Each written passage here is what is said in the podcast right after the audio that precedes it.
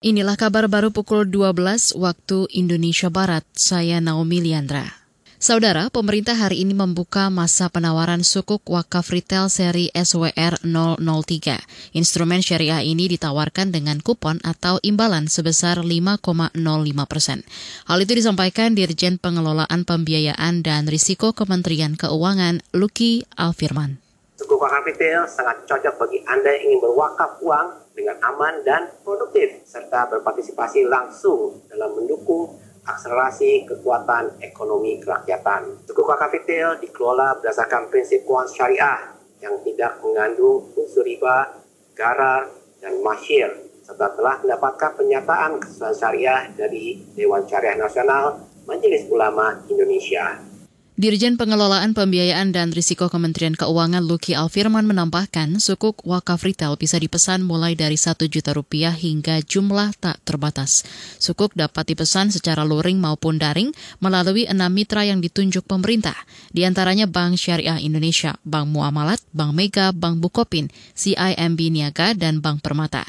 Masa penawaran ditutup pada 7 Juli 2022 pukul 10 waktu Indonesia Barat.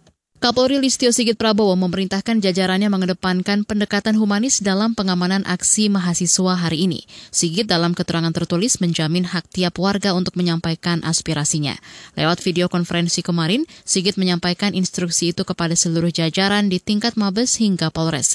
Ex Kabares Krim Polri ini menekankan komitmen Korps Bayangkara untuk menjunjung tinggi HAM dan demokrasi. Namun aparat juga bakal tetap menjalankan tugas untuk menjaga keamanan dan ketertiban di masyarakat.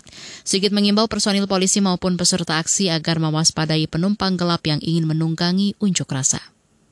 Presiden Joko Widodo mendorong PT Freeport Indonesia mempercepat hilirisasi tambang tanpa mengabaikan kelestarian lingkungan.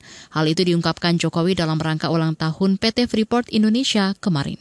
Sehingga memberikan nilai tambah yang lebih tinggi bagi peningkatan kesejahteraan masyarakat Indonesia. Presiden Jokowi juga meminta Freeport menyerap lebih banyak tenaga kerja Indonesia. Hal ini diharapkan dapat memberikan manfaat besar bagi kemakmuran rakyat. Demikian kabar baru KBR, saya Naomi Liandra.